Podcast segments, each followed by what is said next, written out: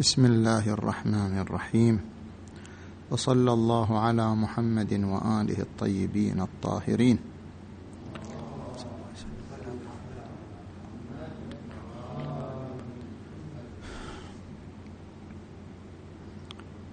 السؤال كيف نثق بأحكام العقل مع اكتشافنا لكثرة الأخطاء في الأحكام العقلية؟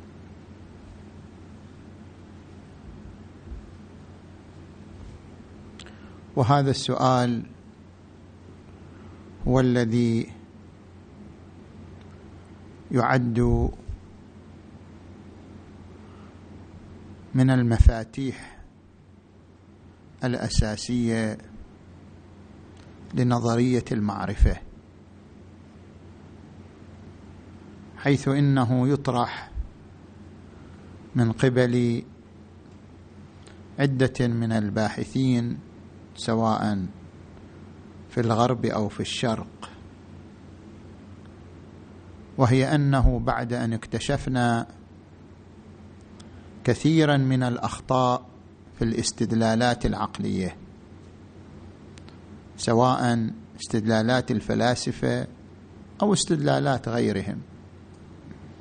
مثلا في موارد الاختلاف قطعا أحد المختلفين خطأ والآخر صحيح.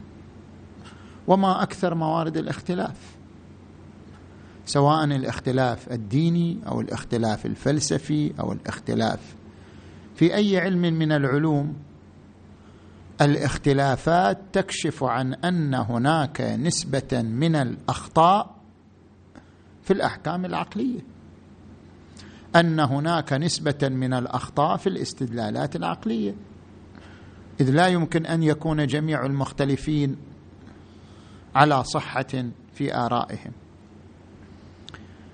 فإذا استكشفنا أن كثيرا من الأخطاء في الأحكام العقلية والاستنتاجات والاستدلالات فلا يمكن حصول الوثوق فضلا عن اليقين بأي حكم عقلي. متى ما طرح علينا استدلال عقلي لا يمكن أن يحصل لنا الوثوق فضلا عن اليقين بصحة هذا الحكم العقلي بعد اكتشافنا الكثير من الأخطاء في الأحكام والاستدلالات العقلية. فما هو الجواب المحوري عن هذا السؤال؟ هناك إجابتان تعرض لهما السيد الشهيد قدس سره في بحثه الاصولي وناقشهما وارتضى أجوبة أخرى. الجواب الأول أو الإجابة الأولى وهي تبتني على مقدمتين. المقدمة الأولى أن اليقين الذي نبحث عنه لأن مصب السؤال كان عن اليقين. كيف يحصل لكم اليقين؟ بأي حكم عقلي مع اكتشافكم كثرة الأخطاء في الأحكام العقلية؟ اليقين نوعان اليقين الأصولي واليقين المنطقي. اليقين الاصولي ما هو المقصود به؟ هناك بحث في علم الأصول يعبر عنه بحجية القطع. هل القطع حجة أو ليس بحجة؟ يعني إذا قطع إذا جزم الإنسان بتكليف من التكاليف كما إذا جزم بوجوب صلاة الجمعة في يوم الجمعة أو جزم بوجوب الحج حتى مع وجود الوباء. إذا جزم بأي تكليف من التكاليف؟ إذا جزم الإنسان بتكليف من التكاليف هل جزمه هل قطعه حجة عليه أم لا؟ هذا بحث أصولي. يعبر عنه ببحث حجية القطع. وهذا لا علاقة له الآن ببحثنا في نظرية المعرفة. لما؟ لأن البحث عن حجية القطع بحث عن فراغ عهدة المكلف بالعمل بالقطع. يعني لو أنني قطعت مثلا لو أنني قطعت بإباحة عمل معين لو أنني قطعت بإباحة حلق اللحية مثلا قطعت أن حلق اللحية حلال وعملت بقطعي هل العمل بالقطع مفرغ للعهدة مبرئ للذمة أم لا؟ هذا ما يبحثه الأصوليون. معنى حجية القاطع العمل بالقطع في الأحكام الشرعية هل هو معذر أمام الله أم لا؟ هل هو منجز لحكم واقعي أم لا؟ هذا وهناك رأيان معروفان في علم الأصول حول حجية القطع. الرأي المشهور كما عليه السيد الخوئي قدس سره وأغلب تلامذته الحجية العقلية للطريقية الذاتية. سيد الخوئي والمشهور أيضا من علماء الأصوليين يقولون نعم القطع حجة عقلية. مجال للتشكيك فيه. يمكن التشكيك في حجية الظن في حجية الاحتمال أما حجية القطع فهي حجية عقلية يحكم بها العقل. لماذا؟ لأن للقطع طريقية ذاتية. هذا سبق أن ذكرناه عندما عرفنا العلم قلنا الكاشفية من مقومات العلم. القاطع من خصائصه الذاتية أنه كاشف. ولذلك اشتهر عند الأصوليين علماء الأصول هذه العبارة القاطع لا يرى إلا الواقع. لأن القطع نفسه فيه خاصية الكشف والإراءة. فكل من قطع بشيء يرى أنه أدرك الواقع لو تقول له ترى أنت ما أدركت الواقع يقول أنا قاطع شلون ما أدركت الواقع؟ يعني القاطع لا يحتمل أنه شنو؟ أخطأ الواقع. ما يحتمل ذلك. فللقطع طريقية ذاتية في الكشف عن الواقع. لكن في الكشف عن الواقع بنظر القاطع. قد أكون أنا الآخر أعتبره جاهل مركب. مثلا شخص يقول بأن الأرض مسطحة أنا أرى جاهل مركب لكن هو لأنه قاطع بما يرى هو لا يرى إلا الواقع. فللقطع كاشفية ذاتية يعني من ذاتيات القطع أنه كاشف عن الواقع. بما أن القطع له طريقية ذاتية وكاشفية ذاتية. اذا حجيته حجية عقلية. من قطع بحكم إلزامي تنجز عليه الحكم. لزمه العمل بما قطع به. ومن قطع بحكم ترخيصي فالعمل بقطعه معذر له أمام الله. هذا الرأي المشهور لدى الأصوليين. الرأي الآخر وهو راي السيد السيستاني دام ظله أنه لا. القطع المعذر القطع العقلائي وليس أي قطع. لا بد أن ينحدر عن مناشئ عقلائية. لا يمكن أن يكون مطلق القطع معذرا ومنجزا. صحيح القاطع لا يرى بنظره إلا الواقع. القاطع يرى أنه وصل إلى الحكم. أما فليكن إذا كانت المناشئ التي استند إليها في الوصول إلى قطعه مناشئ عقلائية يعني لو عرضت على المجتمع العقلائي لرآها مناشئ مصيبة لرآها مناشئ مقبولة حينئذ يكون قطعه شنو؟ معذرا له ومنجزا له. وأما إذا كانت المناشئ التي يستند إليها مناشئ العقلاء لا يقولون ما توجب القطع. هذه التي أنت استندت إليها وعلى أساسها قطعت هذه ما توجب القاطع ولا توصل إلى اليقين. وين رايح أنت؟ فلا يكون حينئذ قطعه معذرا له حتى لو هو قاطع حتى لو هو لا يحتمل الخلاف. لا يكون قطعه معذرا ولا منجزا. لذلك فرق بين اليقين الذاتي واليقين العقلاء. اليقين الذاتي هو مطلق القطع. اليقين العقلاء هو اليقين الناشئ عن مناشئ وقرائن عقلائية. هذا هو البحث الأصولي. هذا لا علاقة له بالبحث الفلسفي. بحث الفلسفي يبحث عن اليقين بالنوع الثاني. ما هو اليقين بالنوع الثاني؟ هو اليقين المنطقي. ما هو اليقين المنطقي؟ اليقين المنطقي المضمون الحقانيه علماء المنطق غير علماء الأصول. علماء الأصول يركزون على اليقين من حيث يبرئ الذمة لو ما يبرئ الذمة. ما لهم شغل هذا اليقين؟ طابق الواقع ما طابق الواقع ما لهم شغل فيه. بينما علماء المنطق يركزون على اليقين المطابق للواقع وهو ما يعبر عنه باليقين المضمون الحقانية يعني مضمون مطابقته للواقع. فهذا هو البحث وهو اليقين المضمون الحقانية. هو ما يرتبط بالمقام يعني بالبحث الفلسفي في نظرية المعرفة. زين. هذه المقدمة الأولى اتضحت. إحنا وين نبحث؟ نبحث في اليقين المضمون الحقانية.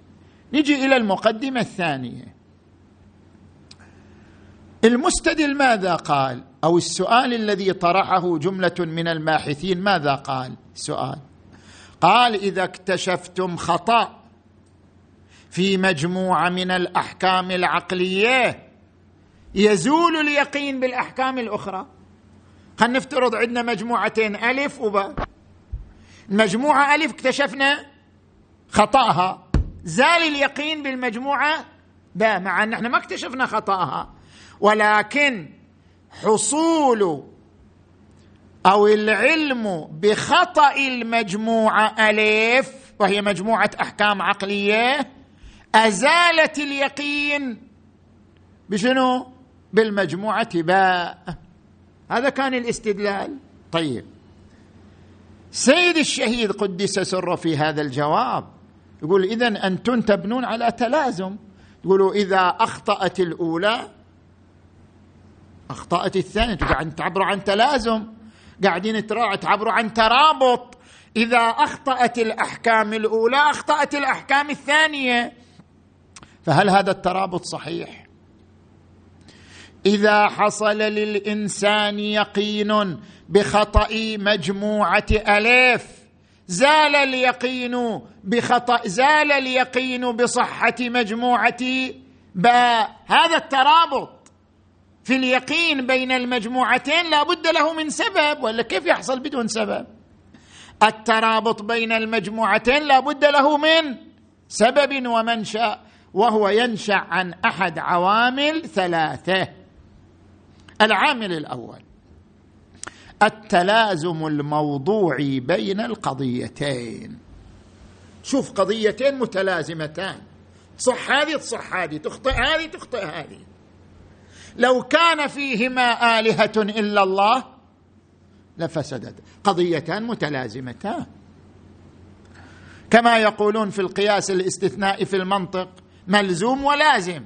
إذا ثبت بطلان اللازم اكتشف بطلان الملزوم. لو كانت هناك لو كان هناك تعدد في الآلهة لكان هناك فساد في الكون خلل في الكون.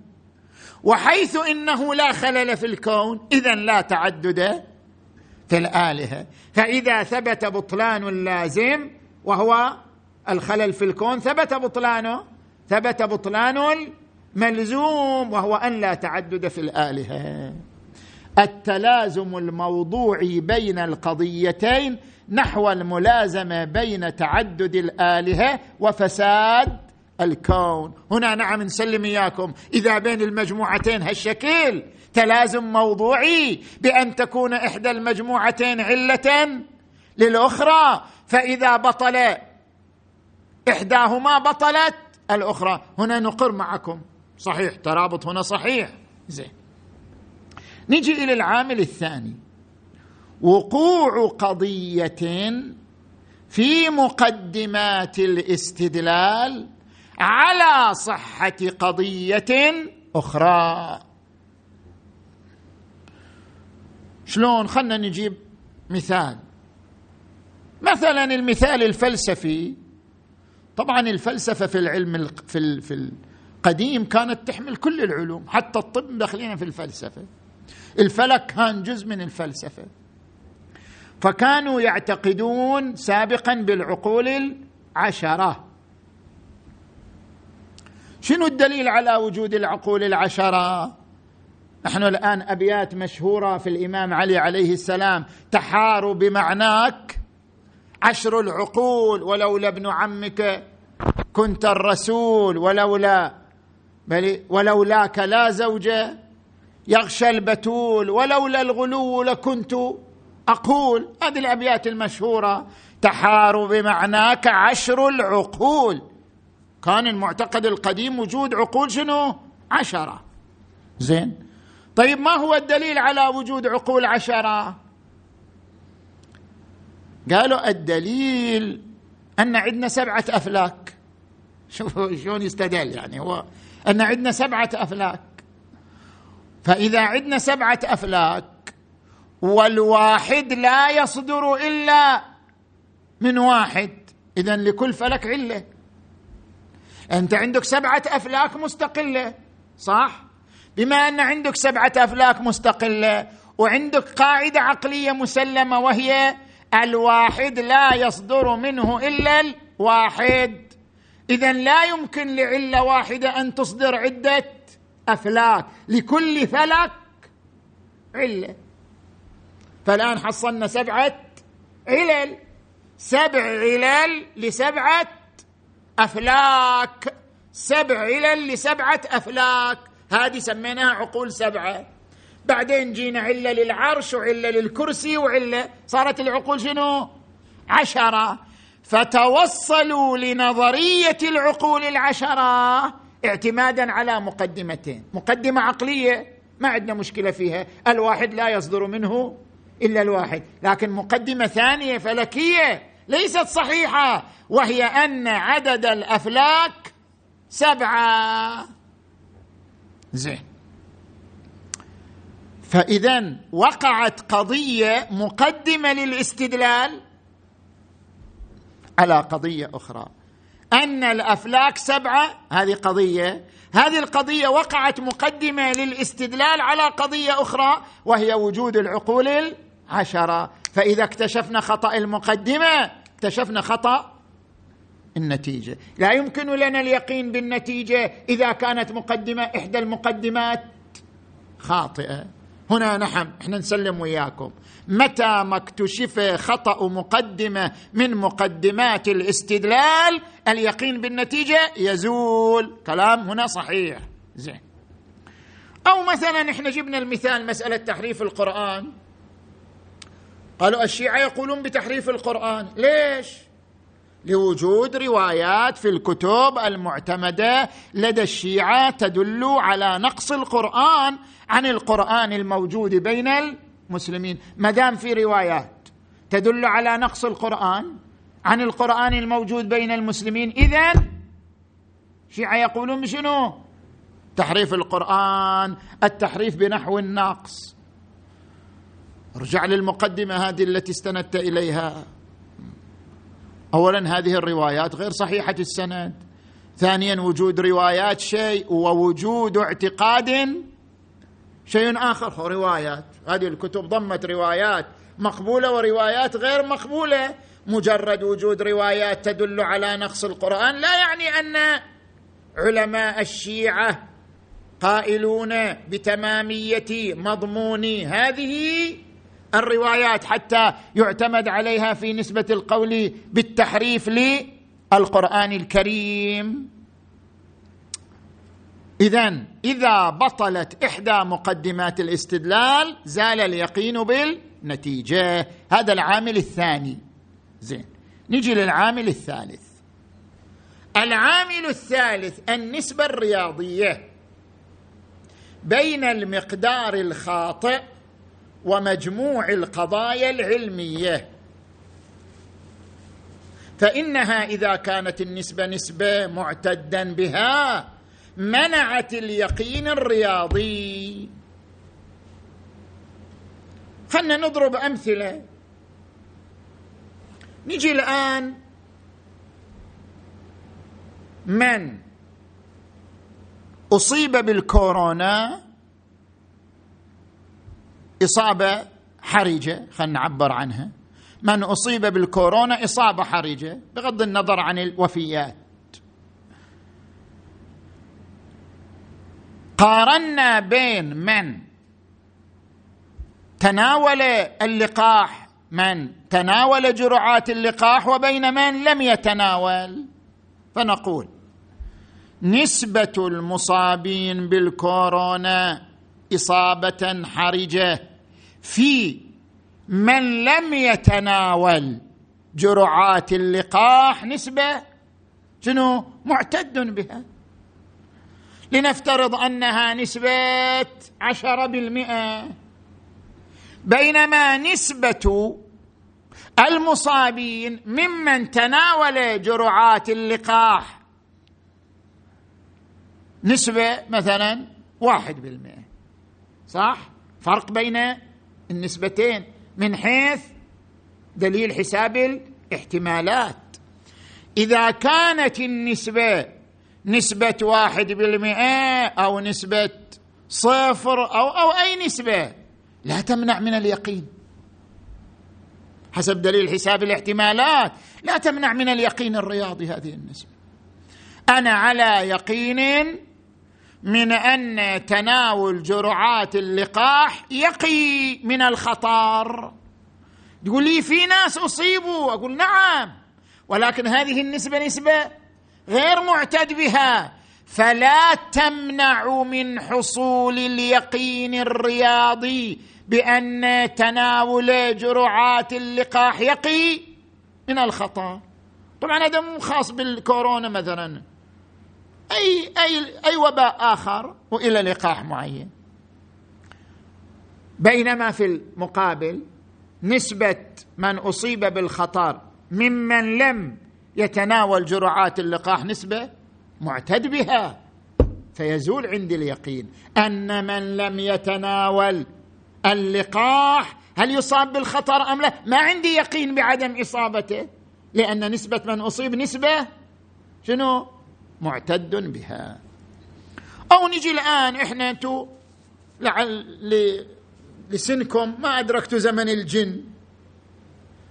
فمثلا قبل خمسين سنة الخطيف كله قالوا هذا ضرب راسه جني وذاك كل شيء ما إلى تفسير خلوه في الجن. صح لو لا؟ فتفسر كثير من القضايا بشنو؟ بالجن. أنه الجن ضرب والجن أصاب والجن أمسك والجن كذا وإلى آخره. زين. فعندما تقارن النسبة يعني نسبة الأخبار الواردة عن تصرف الجن في الإنسان كم خبر؟ لمجموع الأخبار الواردة عن الجن تجد أن نسبة الأخبار التي ذكرت عن تصرف الجن في الإنسان يعني نسبة كذبها نسبة كبيرة. فهي بعد تمنع من حصول اليقين بأن للجن تصرفا في الإنسان. إذا هذا عامل رياضي مسلم يمنع من حصول اليقين. فالسيد الصدر يقول أنتم أمامكم عوامل ثلاثة. أيها المدعون أنه إذا زال اليقين بمجموعة من الأحكام العقلية فلا يحصل يقين ابدا بحكم عقلي. ليش ما يحصل يقين؟ إما أن تستندوا للعامل الأول وهو التلازم الموضوعي وهذا ما موجود في كل القضايا. إما أن تستندوا للعامل الثاني وهو شنو؟ وهو وقوع مقدمة أو وقوع قضية مقدمة. للاستدلال على قضية أخرى وهذا أيضا مقدار بسيط في الأحكام العقلية. وإما أن تستندوا للعامل الثالث وهو أن نسبة الأخطاء في الأحكام العقلية. لمجموع الأحكام العقلية نسبة معتد بها وهذا أيضا مما لا صحة له لأنه أنت الآن الأحكام العقلية اللي ثبت اخطائها من يوم نوح عليه السلام. إلى يومنا هذا كم؟ ونسبة الأحكام العقلية الصحيحة التي يتعامل بها الإنسان في كل معاملاته وكل شؤون حياته كم؟ لا إشكال أن نسبة الأحكام العقلية التي اكتشف خطأها من مجموع من مجموع الأحكام العقلية نسبة. شنو؟ غير معتد بها. فلا تمنعوا من حصول اليقين بالأحكام العقلية. لذلك قلنا وجميع وما سوى ذلك تعبير السيد الصدر هذا نقلته وما سوى ذلك. وما سوى ذلك فهو تلجلج عقلي أو مرض ذاتي. الا واحد يقول ما دام اكتشفنا أخطاء خلاص ما عندنا يقين بأي حكم. هذا عنده مشكلة. إما عنده تلجلج عقلي يكون ناس عندهم تلجلج عقلي يعني ما يستقر على شيء. دائما من يجي شيء يحتمل خلافه دائما عنده حالة شنو؟ شك. هذا يسموه عنده تلجلج عقلي. أو عنده مرض. مرض. ناس عندهم مرض الوسواس مثلا. فهذا لا يعول عليه. إما لتلجلج عقلي أو مرض ذاتي وجميع هذه المناشئ مما لا تنطبق على القضايا العقلية الاستدلالية فلا تصلح للمنع من حصول اليقين المنطقي. خوش. هذه الإجابة الأولى. الإجابة الثانية. إن الخطأ في الاستدلال عبر القياس العقلي. هذه الإجابة الثانية أجاب بها بعض علماء المنطق. إن الخطأ في الاستدلال عبر القياس العقلي يعني عبر الاستدلال العقلي إما في المادة أو في الصورة. أنت مو تقول بأنك اكتشفت أخطاء في الأحكام العقلية؟ فإذا اكتشفت أخطاء في الأحكام العقلية نسأل اكتشفت أخطاء في المادة أو في الصورة. إما أن يكون مدعاك أنك اكتشفت اخطاء في المادة يعني في المضمون مضمون القضايا. أو تدعي أنك اكتشفت اخطاء في الصورة يعني في هيئة الاستدلال. فانت اختار فإن ادعي الأول أننا اكتشفنا أخطاء في المادة في المضمون فهو ممنوع. ليش ممنوع؟ لأن المادة المستخدمة في الاستدلال إما من القضايا الأولية استحالة اجتماع النقيضين استحالة الدور لكل معلول علة قضايا يسموها أولية. المادة إما من القضايا الأولية أو القضايا الثانوية. إذا المادة من القضايا الأولية فهي قضايا شنو؟ يقينية ولا يتصور اكتشاف خطئها. وإذا المادة من القضايا الثانوية ما دام هي ثانوية اذا مستنتجة من قضايا أولية. كل قضية ثانوية مستنتجة من قضايا أول. رجعنا للقياس مرة ثانية. لأن الاستنتاج لا يتم إلا عبر القياس والاستدلال. فنرجع للسؤال مرة ثانية. الخطأ في وين؟ في هيئة الاستدلال أو الخطأ في المادة؟ إذا في المادة نرجع نسأل المادة أولية لو ثانوية. إذا أولية لا خطأ فيه إذا ثانوية إذا جاءتكم من قياس ارجعوا للقياس مرة ثانية. وهكذا إلى ما لا نهاية. زين.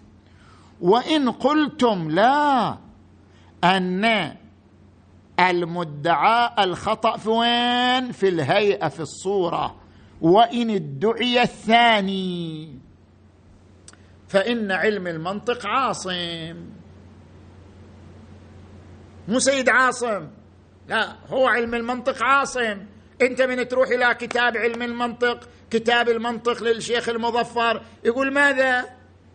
شنو يعرفوا علم المنطق؟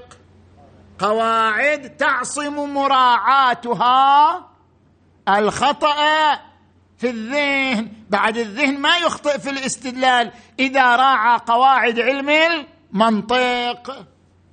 معناه أن علم المنطق يعصم من الخطأ في الصورة.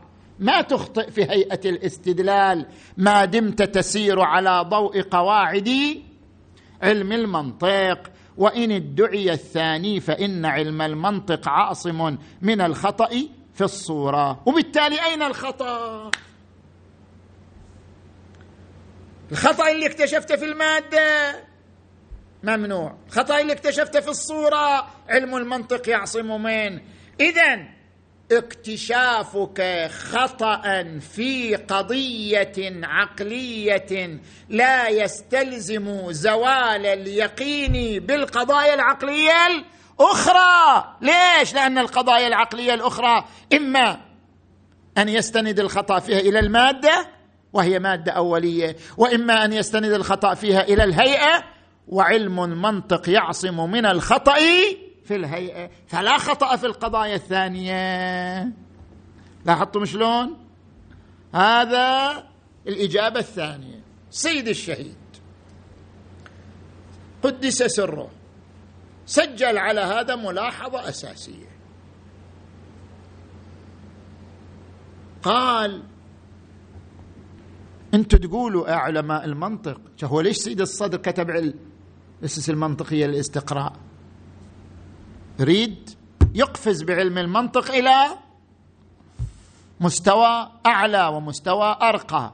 لذلك يرجع إلى المنطق الصوري ليش يسموه المنطق الصوري لأنه يركز على صورة الاستدلال وهيئة الاستدلال. يرجع إلى المنطق الصوري الارسطي يقول يا علماء المنطق الذين قلتم علم المنطق هو عبارة عن قواعد تعصم مراعاتها الذهن عن الخطأ في الفكر. طيب نسألكم كيف تعصم يعني؟ كيف تعصم؟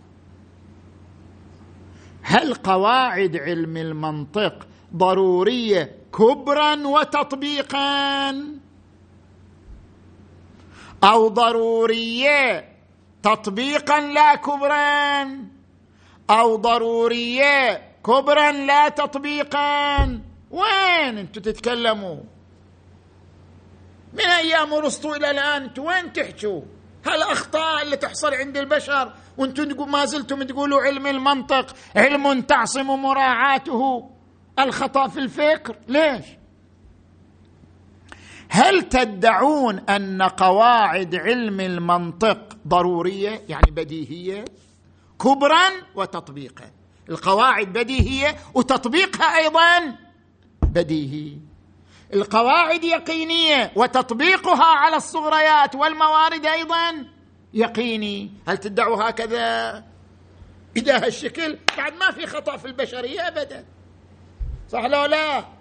بينما نرى الكثير اللي يمشي على قواعد علم المنطق ويدقق فيها وبعدين تبين شنو؟ أخطاء. وين؟ لو كانت قواعد علم المنطق ضرورية ضرورية يعني من اليقينيات من البديهيات. لو كانت قواعد علم المنطق بديهية كبرا وتطبيقا لما حصل خطأ. والحال بأن الأخطاء شنو؟ حاصلة. إذا هذه الدعوة غير صحيحة. إما ضرورية كبرا وتطبيقا ولازمه عدم وقوع خطأ أصلا وهو مناف للوجدان. بالوجدان أخطاء كثيرة. زين. أو تدعون لا هي خطأ كبران نفس نفس القواعد مال علم المنطق فيها أخطاء. أجل وين علم المنطق يعصم. ها؟ إذا كانت نفس قواعده معرضا للخطأ إذا بعض قواعد علم المنطق يعني بعض كبرياته معرض للخطأ إذا وين؟ كيف يكون علم المنطق تعصم مراعاته الذهن؟ إذا كان الخطأ في الكبرى يعني في القواعد ولازمه وقوع الخطأ في نفس علم المنطق الاستدلالي. تقولوا لا. القواعد نفسها ضرورية بديهية. إنما الكلام في وين؟ في التطبيق. مو كل واحد يتقن التطبيق. خطأ يقع في التطبيقات. لا نفس القواعد. قواعد؟ مثل قواعد علم النحو الآن. كثير ناس يدرس نحو. ها؟ يدرس نحو مدرس نحو بعد. وإذا صلت شوفه يغلط في الآيات ولا يغلط في الأذكار ولا يغلط. ولا كان أستاذ في في النحو يدرس في المدرسة يقول اسمعوا الفاعل مرفوعا. تقول فاعله مرفوعا شوف بعد أنت تدرس علم النحو زين؟ فهذا إذا تقول الخطأ في التطبيق إذا الخطأ في التطبيق هذا واو إلى أكثر الناس واقعة فيه. قواعد واضحة بس تطبيقها على مواردها خطأ. وإذا قلتم بأن الخطأ في التطبيق الذي مرجعه للخطأ في المادة المادة تطبيق هالكبرى على هالمادة طلع شنو؟ خطأ. النتيجة صار خطأ في المادة بعد. وإذا كان خطأ في المادة فحينئذ احتجنا إلى عاصم في مجال وين؟ تطبيق. ما يكفي عاصم في القواعد. انت وضعت قواعد. بس انت تدري أن القواعد مي هي مشكلة. المشكلة في وين؟ في تطبيقها. لازم توجد عاصم في مجال. وين؟ التطبيق. ما يكفي وجود قواعد حتى يضمن عدم الخطأ. ما نقول عدم الخطأ من تنزل حتى يضمن قلة ال...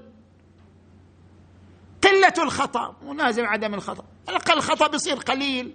حتى يضمن قلة الخطأ نحتاج إلى عاصمين. عاصم في القواعد وعاصم في التطبيق. الآن مثلا إحنا نجيب لك مثال وهذا مثال يذكره الفلاسفة ويستدلون به. عندنا قاعدة عامة العلة والمعلول متعاصران زمنان متفاوتان رتبتان.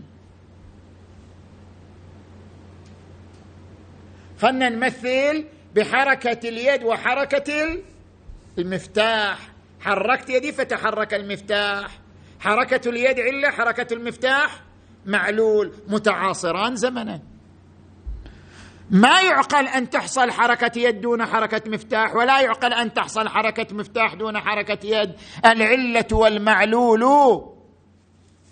متعاصران زمنا متفاوتان رتبه لأن العلة مفيض والمعلول مفاض. النار والحرارة ما يصير نار بدون حرارة. النار عله للحرارة فهما متعاصران زمنان متفاوتان رتبتان. النار مفيض والحرارة مفاض. جو طبقوا هذه القاعدة على الله. ما تقولوا العلة والمعلول متعاصران زمنان. الله مو علة للوجود.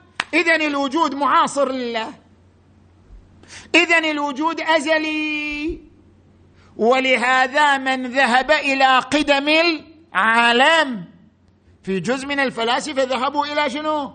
قدم العالم أن العالم هذا أزلي. ما سبقه عدم زماني.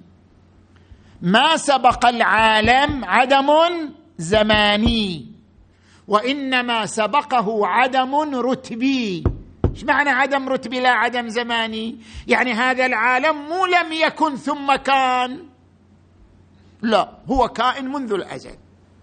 أما لأن الله مفيض وهو مفاض فالله متقدم على العالم شنو؟ رتبة لا. زمنا. اذا هذا العالم سبقه عدم رتبي يعني لم يكن في رتبة العلة. وإنما هو في رتبة المعلول لكنه لم يسبقه عدم زماني. فهو يسوي هذا اللي يقول لك الكلام. يقول له هذا القرآن يقول كذا كذا. يعني يقول العالم حادث. أولم يرى الذين كفروا أن السماوات والأرض كانتا رتقا ففتقناهما؟ خلق السماوات وله. يقول خلق خلق. يقول هذه الآيات كلها مؤولة كلها إليها تأويل. بالنتيجة فوين الخطأ الآن؟ خطأ مو في القاعدة الخطأ في وين؟ تطبيق. هذا اعتقد أن نسبة الله للوجود نسبة العلة الموجبة. فطبق القاعدة. والحال بأن نسبة الله للوجود نسبة العلة الموجبة لا العلة الموجبة. يعني العلة التي ليس لها اختيار. لازم توجد المعلول. هذه العلة التي ليس لها اختيار هي التي يقال عنها العلة والمعلول متعاصران زمنا متفاوتان. رتبة. مو العلة الموجبة. العلة الموجبة هي التي أعطت معلولها الوجوب ولولاها لم يكن لمعلولها وجوب. العلة الموجبة هي العلة المختارة. فإذا افترضها مختاره فكيف تقول العلة والمعلول؟ متعاصران زمنا متعاصر باختياره بعد علة مختارة. ولذلك مثلا مثل السيد الخوئي يقول لا ليست نسبة الله للوجود نسبة العلة للمعلول نسبة الفاعل المختار لفعله الاختياري. شلون الإنسان أنا فاعل للقيام بس قيامي مو معاصر لي زمنا. اقدمه آخره ما دام أنا مختار بعد. نسبة الله للوجود نسبة الفاعل المختار لفعله لا نسبة العلة لمعلولها أو قل نسبة العلة الموجبة وليس نسبة العلة الموجبة. اذا بالنتيجة الخطأ مو في القواعد. الخطأ في وين؟ في التطبيقات. ولذلك احتجنا إلى منهج يعصمنا في مجال ال... في مجال وين؟ تطبيق. شنو هالمنهج؟ قال السيد الصدر إحنا فتحنا. قال إحنا فتحنا فتح. فتحنا فتحا في هذا المجال.